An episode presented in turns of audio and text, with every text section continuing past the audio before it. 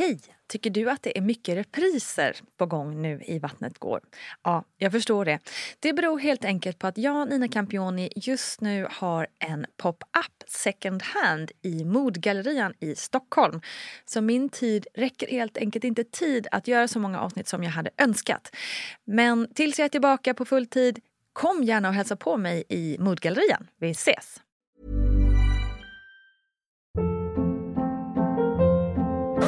Hold up. What was that? Boring. No flavor. That was as bad as those leftovers you ate all week. Kiki Palmer here, and it's time to say hello to something fresh and guilt-free. Hello Fresh. Jazz up dinner with pecan-crusted chicken or garlic butter shrimp scampi. Now that's music to my mouth. Hello Fresh. Let's get this dinner party started. Discover all the delicious possibilities at hellofresh.com. Imagine the softest sheets you've ever felt. Now imagine them getting even softer over time. That's what you'll feel with Bowl and Branch's organic cotton sheets. In a recent customer survey, 96% replied that Bowl and Branch sheets get softer with every wash. Start getting your best night's sleep in these sheets that get softer and softer for years to come. Try their sheets with a 30-night guarantee. Plus, get 15% off your first order at bowlandbranch.com. Code BUTTERY. Exclusions apply. See site for details. One size fits all seems like a good idea for clothes until you try them on. Same goes for healthcare. That's why United Healthcare offers flexible, budget friendly coverage for medical, vision, dental, and more. Learn more at uh1.com. Hey, it's Ryan Reynolds, and I'm here with Keith, co star of my upcoming film, If, only in theaters, May 17th. Do you want to tell people the big news? All right, I'll do it. Sign up now and you'll get unlimited for $15 a month in six months of Paramount Plus Essential Plan on us. Mintmobile.com slash switch. Upfront payment of $45 equivalent to $15 per month. Unlimited over 40 gigabytes per month. Face lower speeds. Videos at 480p. Active Mint customers by 531.24 get six months of Paramount Plus Essential Plan. Auto renews after six months. Offer ends May 31st, 2024. Separate Paramount Plus registration required. Terms and conditions apply if rated PG. Hej, hej, hallå allihopa. Välkomna till ännu ett avsnitt av Vattnet går med mig Nina Campioni. Och nu har jag faktiskt lämnat studion för en liten stund och hamnat i ett vackert kök hemma hos Gudrun Abascal. Här sitter jag och dricker gott eh, mineralvatten. Eh, och vi ska ta och eh, köra en vända med era frågor, alltså ni lyssnarnas frågor helt enkelt. Som ju världens bästa barnmorska här har svar på naturligtvis. Eh, så jag tänker väl att, vad tror du Gudrun, eller ska vi köra igång? Ja, men vi kör igång. Det gör vi. Då kommer första frågan här. Hej, hur tillförlitligt är egentligen kubbtest? Vi fick ett bra resultat. En hur säger man det här Gudrun egentligen? En på, en på risken är en på. Just det, risken är en på 1542. Så det kändes ju bra. Men nu har jag fått höra om två olika fall som visat bra resultat men barnen föddes med DS. Alltså Down syndrom. Borde inte det vara väldigt ovanligt? Jag trodde kubb var väldigt säkert. Jag blev väldigt nojig av det här. Men Nina, när du pratar om säkert, definitionen på när är det säkert? Alltså, och det är jättebra att vi tar upp den här frågan för det här är, tycker jag, så vanligt att man tror att man har, får någon, ska få någon form av garanti. Att det är ett för, kvitto ja, liksom. Mm. Ett kvitto på att ja, nu har vi tagit kub och det är en risk på 4 000 och då säger jag så här, ja men det är jättebra. Men det är ju att ett barn på 4 000 kan ha det. Mm. Och, då, och problemet är att då vet man inte vilken vilket barn det här är av 4 000. Och idag så pratar vi om och säger att, att man går vidare med att göra går vidare med undersökningar om risken ligger på 1 till 200. Mm. Då går man vidare. Fast att det här är någon form av screening bara. Men du har definitivt inga garantier. Men jag tror att många ser det så. Så, så det här tycker jag är otroligt viktigt att man tillsammans med sin barnmorska går igenom det här så att man får helt klart för vad, vad är det liksom som ger, spelregler som gäller så att mm. inte man hamnar i det här. Men några garantier finns det inte. Och det är ju därför som NIPT-testen har kommit då. som ju är betydligt enklare. Då det är ett blodprov som man tar ifrån kvinnan och tittar på DNA. Och där har det också blivit så här att det är precis som att, att det är också hundraprocentigt säkert. Och då kan vi, jag tycker vi tar det på en gång i det här. För att det är inte heller någon hundraprocentig säkerhet. Utan man kan titta på många sjukdomar. Men man hittar inte allting. Och det tycker jag är jätteviktigt. Jag träffade just en kvinna som hade gjort NIPT-testet. Och hon var helt övertygad om, jag var helt säker på att det var helt okej. Okay, mm. Att det inte skulle vara någonting med barn. Och så var det det. Så att hela hennes liv, det ramlar ju alltid ihop. Och blir så otroligt knepigt naturligtvis att möta det här. Men ändå mer om, om man förväntningarna är att jag får ett barn som är hundraprocentigt friskt och så hamnar det i det. Mm. Så kom ihåg att det finns inga hundraprocentiga garantier för livet överhuvudtaget. Så är det ju. Och det kan ju vara viktigt att tänka att det gäller i livet i stort. Liksom. Så att man, för jag kan känna också så här, man får ett fint resultat och sen så blir man, som den här eh, personen då, blir ju ganska nojig och orolig. Och det känns ju, visst graviditet handlar mycket om oro mm. på många olika sätt. Men det känns också ledsamt att man ska gå omkring och vara orolig hela graviditeten? Är det något, kan man tänka på något sätt? Tänk, sådär, liksom, ja, nej, framförallt så måste man ju prata, tycker jag, prata mycket om det. Både med sin partner och, och sin barnmorska. Eller, och det finns ju också där man kan få träffa läkare som är utbildade i genetik som kan presentera sånt här mycket mindre som föräldrar som har gått igenom såna här saker. Om de ska få barn igen så får, så får man träffa de här specialisterna på det, hur man ska tänka. Och sen både genom KUB och NIPT så får man ju gå vidare med fostervattenprov då till exempel. Mm. Därför där blir än, ännu mer. Men jag tycker att det är viktigt att förstå att men ta kontakt och ta hjälp av din barnmorska hur man går vidare om man är väldigt orolig. Mm. För man ska inte behöva gå omkring tycker jag var, bara tänka på det här resten av tiden som man väntar barn. Utan man ska få bli glad, nu ska vi bli föräldrar och mamma och, och liksom så. Mm.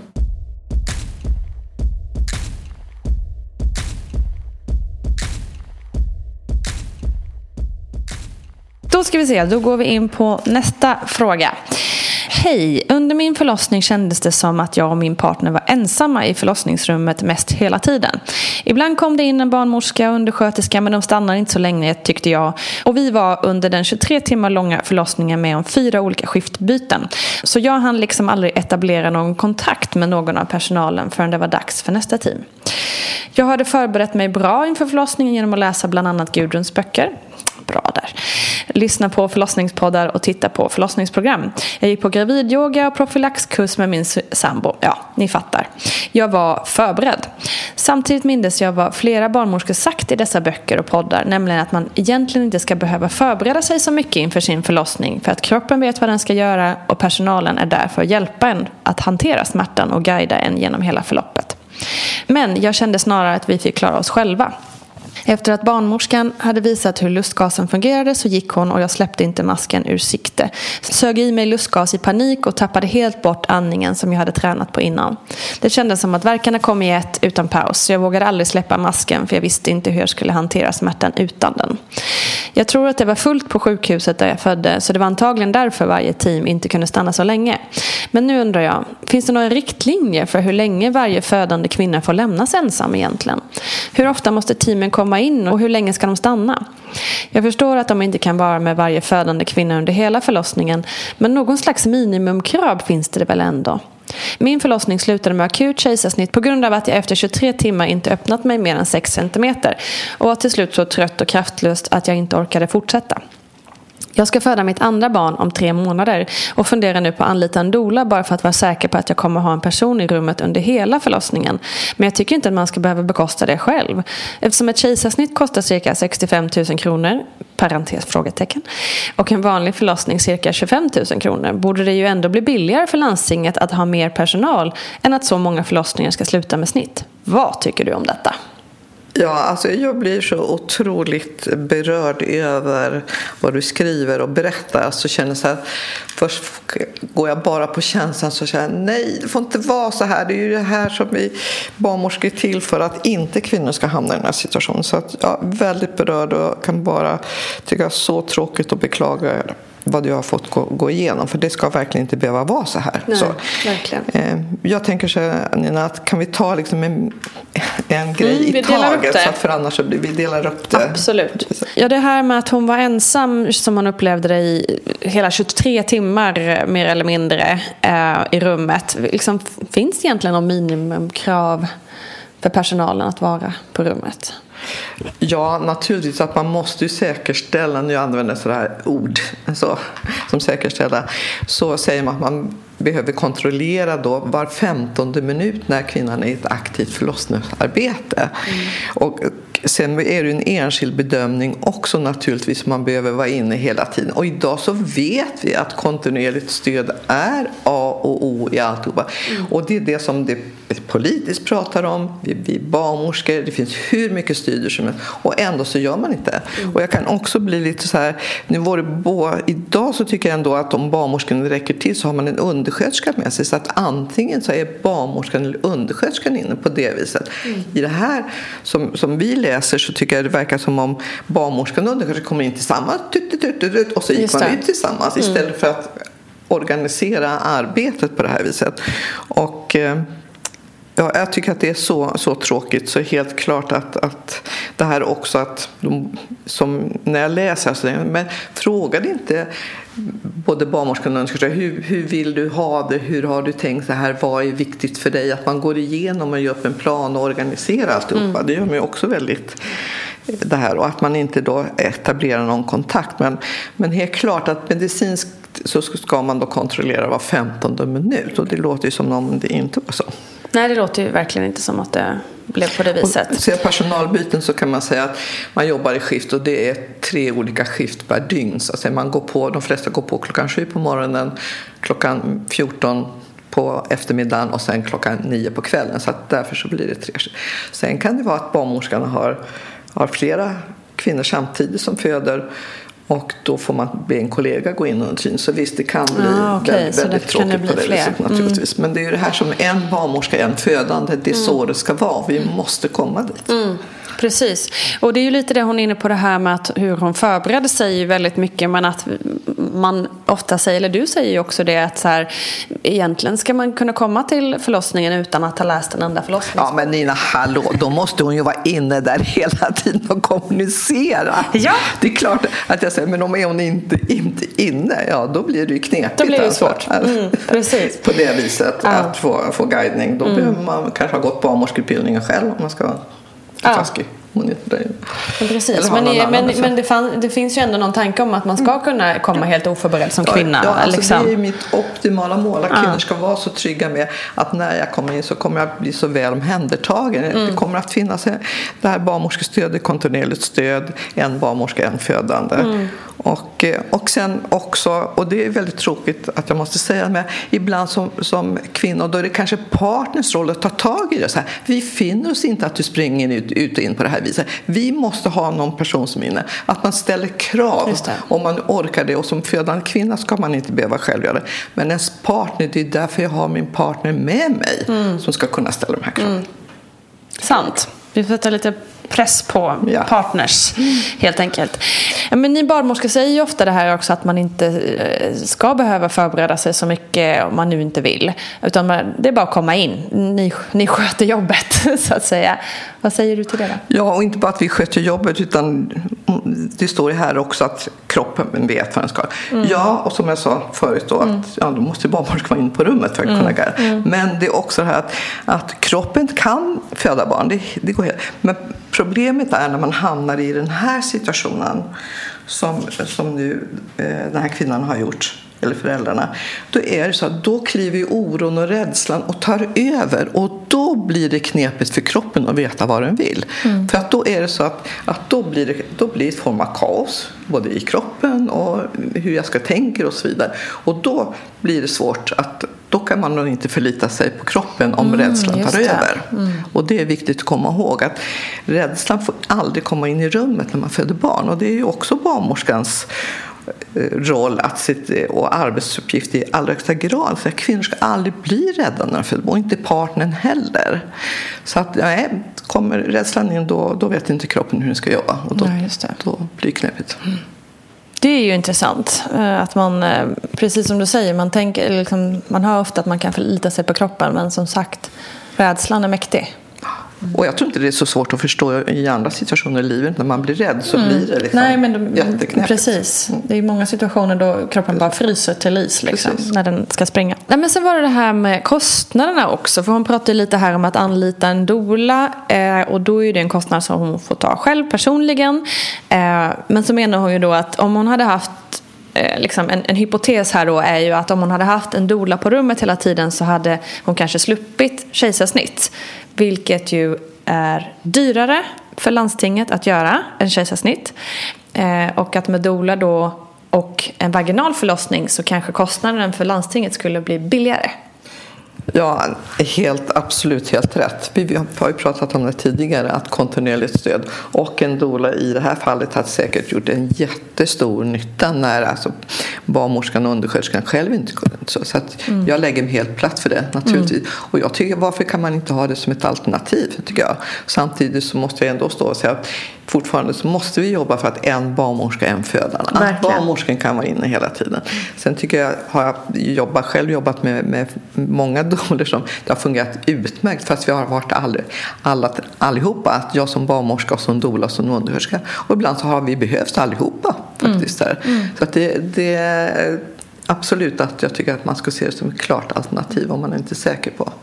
Apropå det här en eh, barnmorska, en födande så pågår det ju ett eh, projekt på Huddinge sjukhus som kallas för Min barnmorska. Där man får sin barnmorska redan när man är gravid som följer en hela vägen. Visst är det så? Ja, precis. Hur, vet du, hur går det där? Vet du det? Ja, nej, men det, det går jättebra och som jag har förstått när jag pratade med, med Alberg nu sist att så får man, har man väldigt bra resultat. Det här riktar sig ju framför allt till kvinnor idag med förlossningsrädsla så att säga, för den kapaciteten som man har. Och sen är det ju inte alltså 100% säkert att man får just den barnmorskan hela vägen utan ibland så får man ju klira med varandra för man kan ju inte jobba dygnet runt. Nej, det är ändå människor man Men jobbar det, med, det är i liksom. alla fall en känd barnmorska.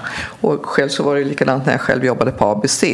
Så, så, så det var helt fantastiskt det här att man hade följt kvinnan och föräldrarna under hela tiden som de väntade sitt barn och sen fick vara med också.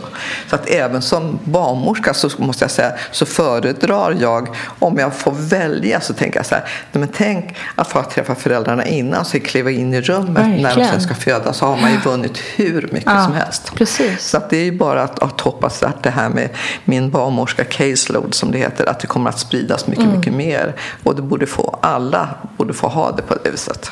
Så spännande. Vi håller tummarna för detta.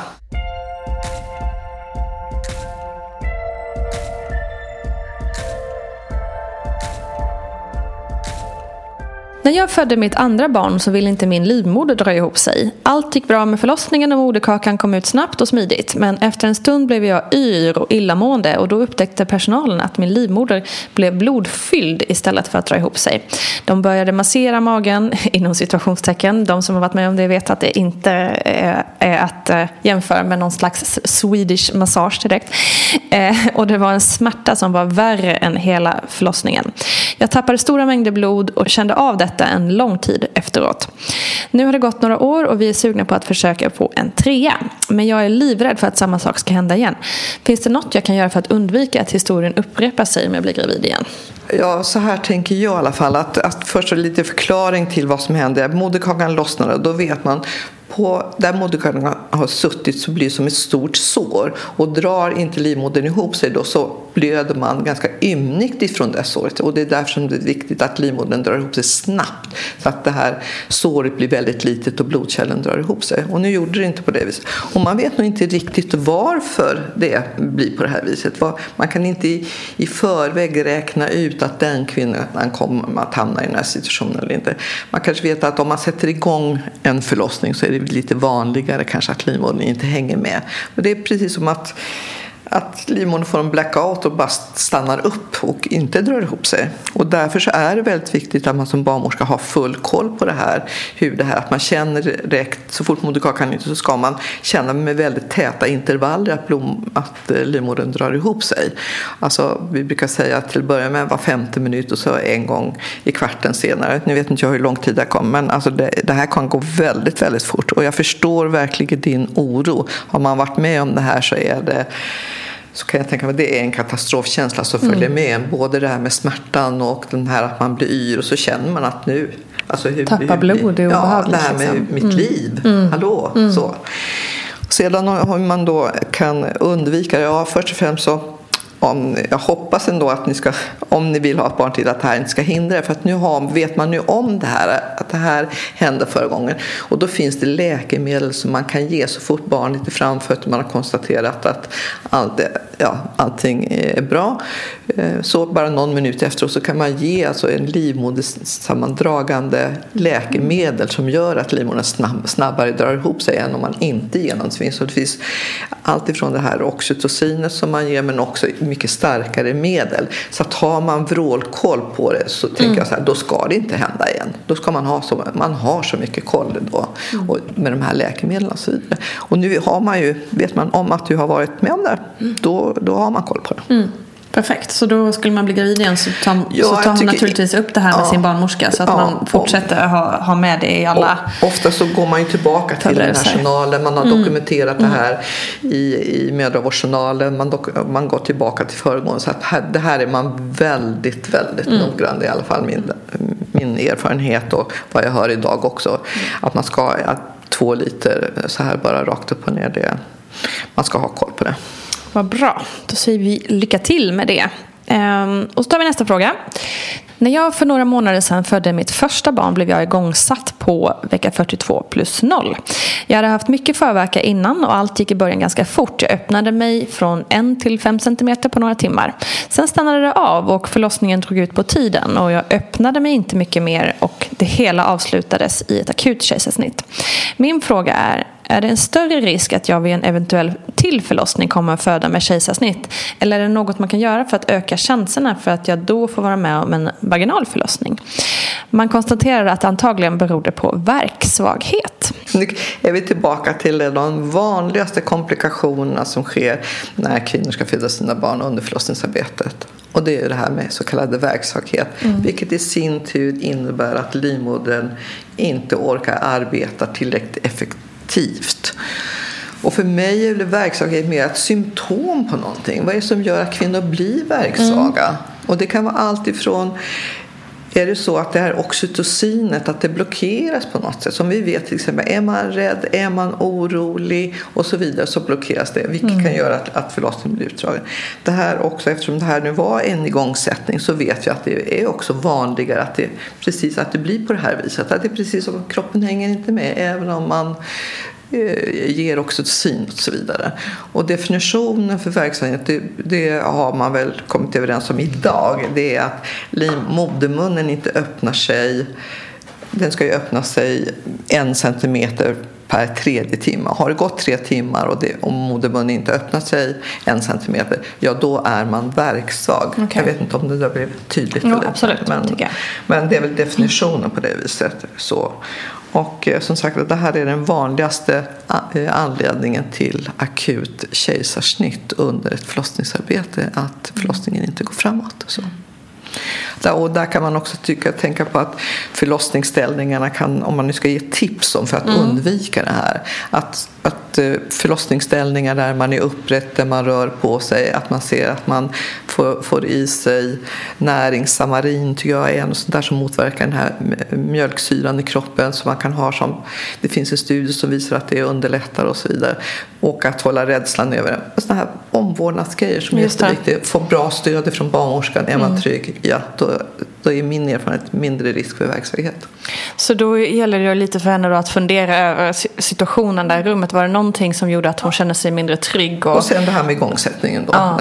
Och då tänker jag så här att vad ska man göra inför nästa gång för att det ska bli mm. en vaginal, kunna föda den vaginala vägen. Då tänker jag, ja, alltså då skulle jag tycka att en induktion är ju inte den bästa idén på något sätt. Jag tror att idag så är det inte ovanligt att man, att man avråder för att att sätta igång en förlossning om det man har ett akut kejsarsnitt bakom sig. Okay. Det där kan vara lite olika från klinik till klinik. Så att jag tycker att ta kontakt med barnmorskan på mödravårdscentralen så får ni diskutera det här och sen så komma på ett samtal om det här tycker jag är jätteviktigt. Att, mm. Själv är ja, något tveksam till att sätta igång en förlossning om det inte är så att, att det är väldigt, väldigt optimala förhållanden. Men annars nej, kroppen ska styra den här gången för då är det ofta men inte igångsättning. Mm, mm, mm, mm.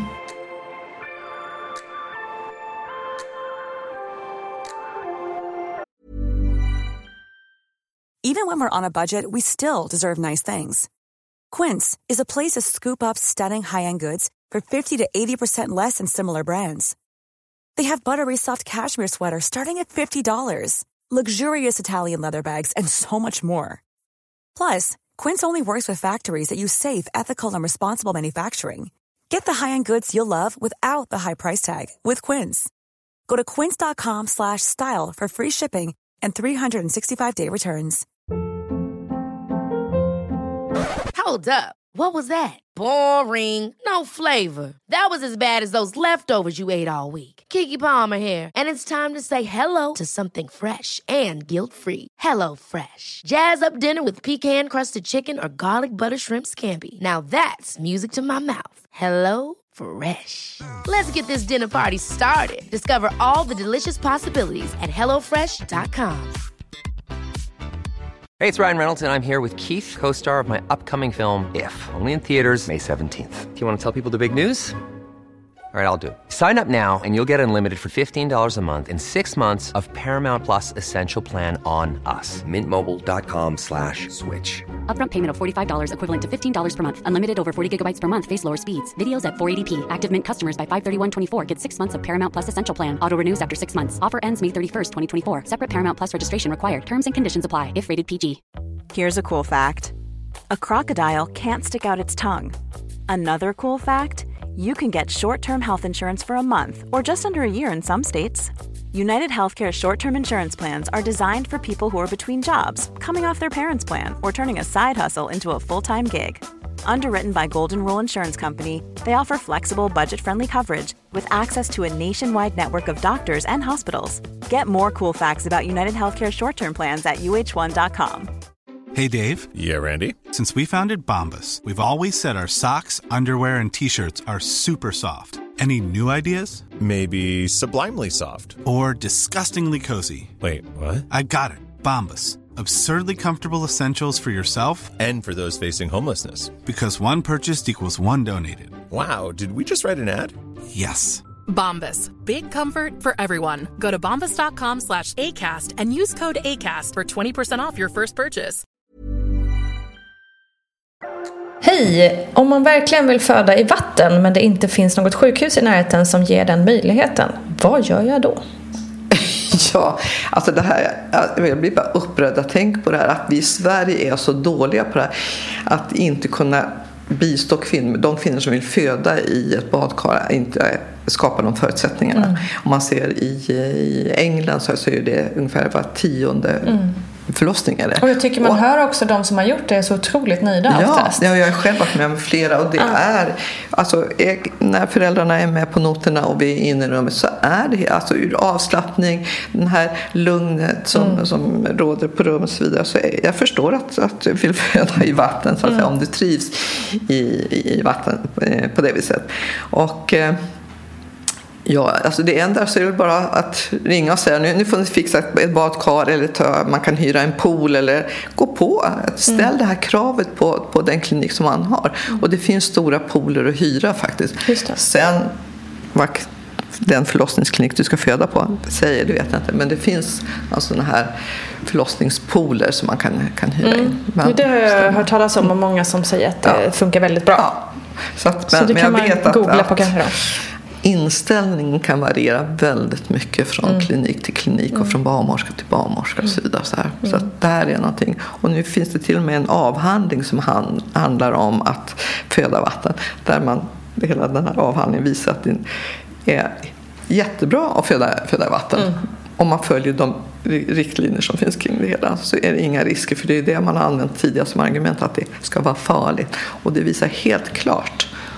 Och engelsmännen är väl inte dumma i huvudet. Nej, precis. Eller hur? Nej. De har väl något vettigt. Alltså. De en del saker kanske de är bättre på än vad vi är. till och med det. Jajamensan. Ja, men då titta på att hyra pool och så kanske det, man får vara beredd på att man eventuellt får stå på sig lite. Hallå, vad är GBS och hur påverkar det mig och min bebis? Hur behandlas det? Eh, Jag har känt mig väldigt orolig under graviditeten och varit nojig för att jag ska få någon urinvägsinfektion som då ökar risken för att barnen ska få en infektion. Nu får vi reda ut det här. Vad är GBS? Ja, GB står för grupp B streptokocker. Säger. Alltså en speciell bakterie som vi har på oss. Eh, Som är väldigt vanlig. Men som inte är farlig i sig om den inte hamnar på felaktigt ställe i kroppen. Så att säga. Och det gör den om den hamnar om i, i urinblåsan så får man en urinvägsinfektion. Eller om man, det hamnar i livmodern så får man en infektion i, i livmodern. Och det här är någonting som man ska vara observant för. Så att har man, att man känner att man är orolig för det här eller att någonting som tyder på att man har en urinvägsinfektion så under hela graviditeten så får man ju ta Ta te- testa då och se urinen, finns det några bakterier? Vad är det för typ av symptom som skulle eh, vara Ja, urinväg, vanlig, vanliga urinvägsinfektioner. Liksom så här som, som det här att det, det svider när man kissar, Mm. att det tränger på, att det kan komma lite blod så småningom, att det sköter. Och ibland så kan det vara, de här vara väldigt nästan symptomfria. Så att är man Mm, svårt. orolig, prata med barnmorskan så kan man ju göra en test om du känner att det här är jätteviktigt för dig. Mm. För att ibland så ger det inte så stora symptom. Och då ska man ju behandlas för den under graviditeten. Är det någon slags antibiotika då? Eller Ja, penicillin, Ja. penicillin antibiotika. Och är det då så att, att man har haft en GBS eh, infektion under graviditeten så får man också, och även om man inte har den när förlossningen startar, så under för hela förlossningsarbetet så får man en dos med penicillin eller antibiotika nu för att motverka det här både att det ska uppstå en infektion i livmodern eller att infektion ska gå över till barn. Så man är väldigt noga där. Så att alla kvinnor som har haft en GBS får, får det här. Vad jag vet på alla kliniker som jag känner till, fall, jag kan inte svara för alla i Sverige, men så har jag lärt mig. Vad är, vad är liksom så worst case scenario om man liksom får det här men inte, inte får någon liksom behandling för det? Ska vi inte verkligen ta worst case nu? Alltså? Det skrämmer upp oss rejält. Ja, vi. Nej, men just det här, får var fråga hur det påverkar. barnsängsfeber, Det var det här kvinnor, det här kvinnor dog av förr i tiden Ja. innan penicillinet kom. Det är så pass illa. Ja, Så att det är så pass illa. Och även barnet också. Och det, alltså det ruskiga är det här att det kan gå väldigt fort från att man inte har några symptom till inget till till den här infektionen tar Riktigt över. Till- obehagligt. Så att, så att vi, det här är väldigt eh, Ja. noga att man följer. Och det är därför som vi också ger penicillin till kvinnor som om man har en vattnavgång som är mer än 18 timmar under förlossningen så, så ger man det här. Eller att det finns någonting annat. Att kvinnan har haft tidigare haft en eh, fött barn för tidigt som beror på en infektion. Och så är man väldigt snabb på att sätta in Mm. i, i det här. Och man ska vara väldigt eh, quick. För man får väl ändå säga, det låter ju otroligt skrämmande det här men det, eh, det här worst case scenario händer inte så ofta ändå Nej, i, I Sverige så är det ju otroligt sällsynt. Jag tror inte att det händer varje år, inte så. Utan, ja, jag, kanske- jag kan inte säga så, men det, men det är väldigt, Ja. väldigt, väldigt Så- lite. Och jag, jag tycker att det, det enda att man vet att det är väldigt lättbehandlat. Om man bara sätter in då sitt, sitt antibiotikum så är problemet löst. Mm. Så. Så att det är inte så att man står där och ja, nu hjälpte inte det utan det, det, det går fort att få, få till det. Men, men prata med om oron och, Ja. och Och kolla vara om du känner dig tveksam. Mm. Och så vet du att man får hjälp när man kommer in sedan ska föda barn. Ja, super.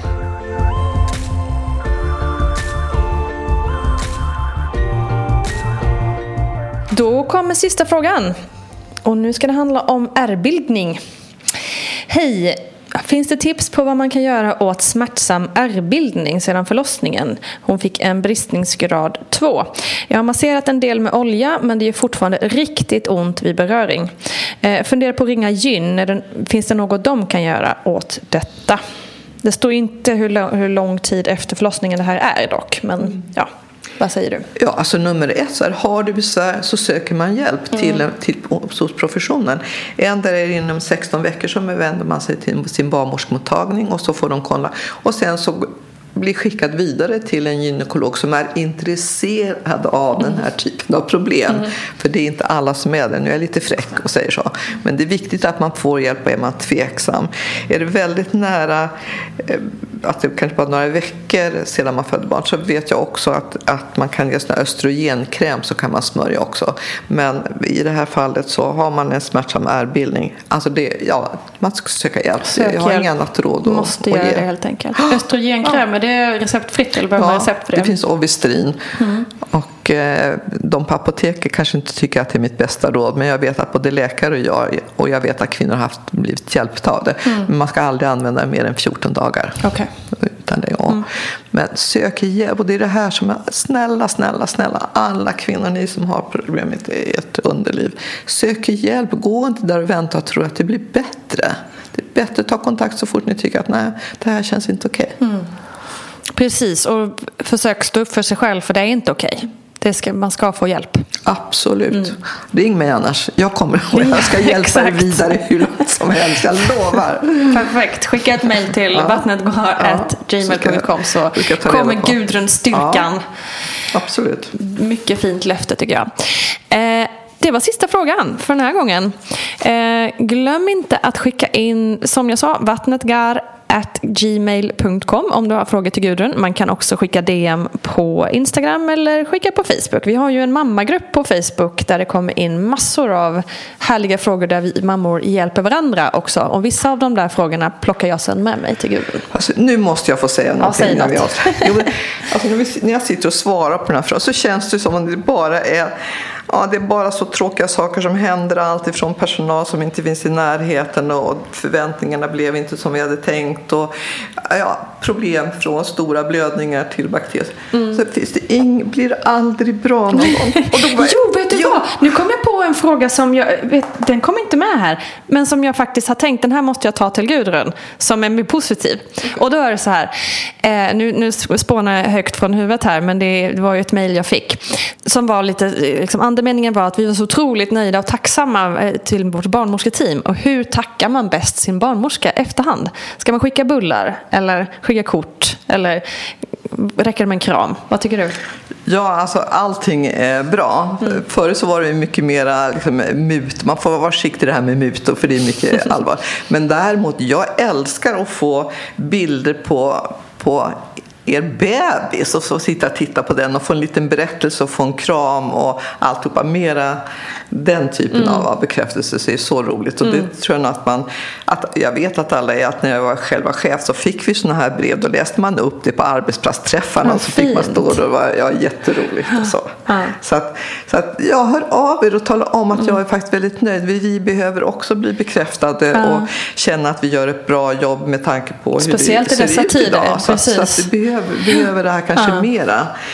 Det blir ju ofta så att har man en, liksom, man får, känner ju oftast behovet mer att höra av sig om det är något som har varit fel. Eh, Så det blir ju lätt att frågorna kretsar kring lite negativa erfarenheter.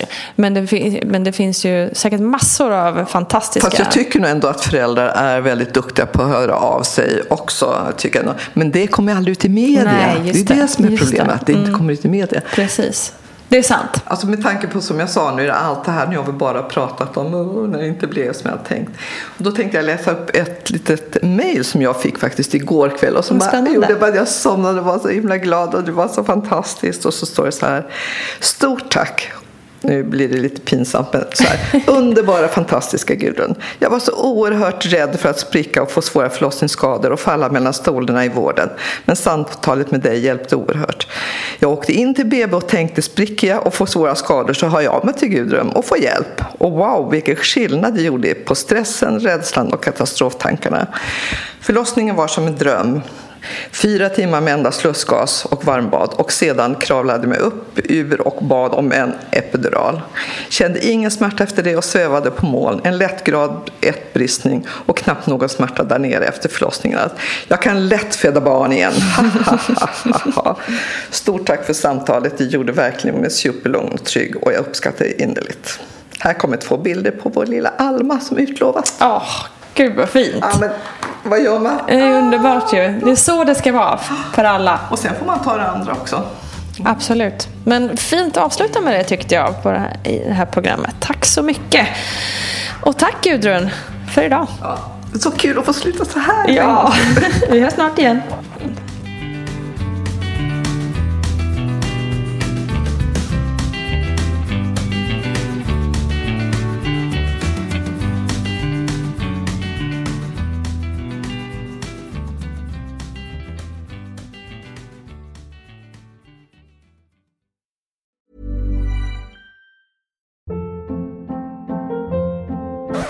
Hold up. What was that? Boring. No flavor. That was as bad as those leftovers you ate all week. Kiki Palmer here, and it's time to say hello to something fresh and guilt-free. Hello Fresh. Jazz up dinner with pecan-crusted chicken or garlic butter shrimp scampi. Now that's music to my mouth. Hello Fresh. Let's get this dinner party started. Discover all the delicious possibilities at hellofresh.com.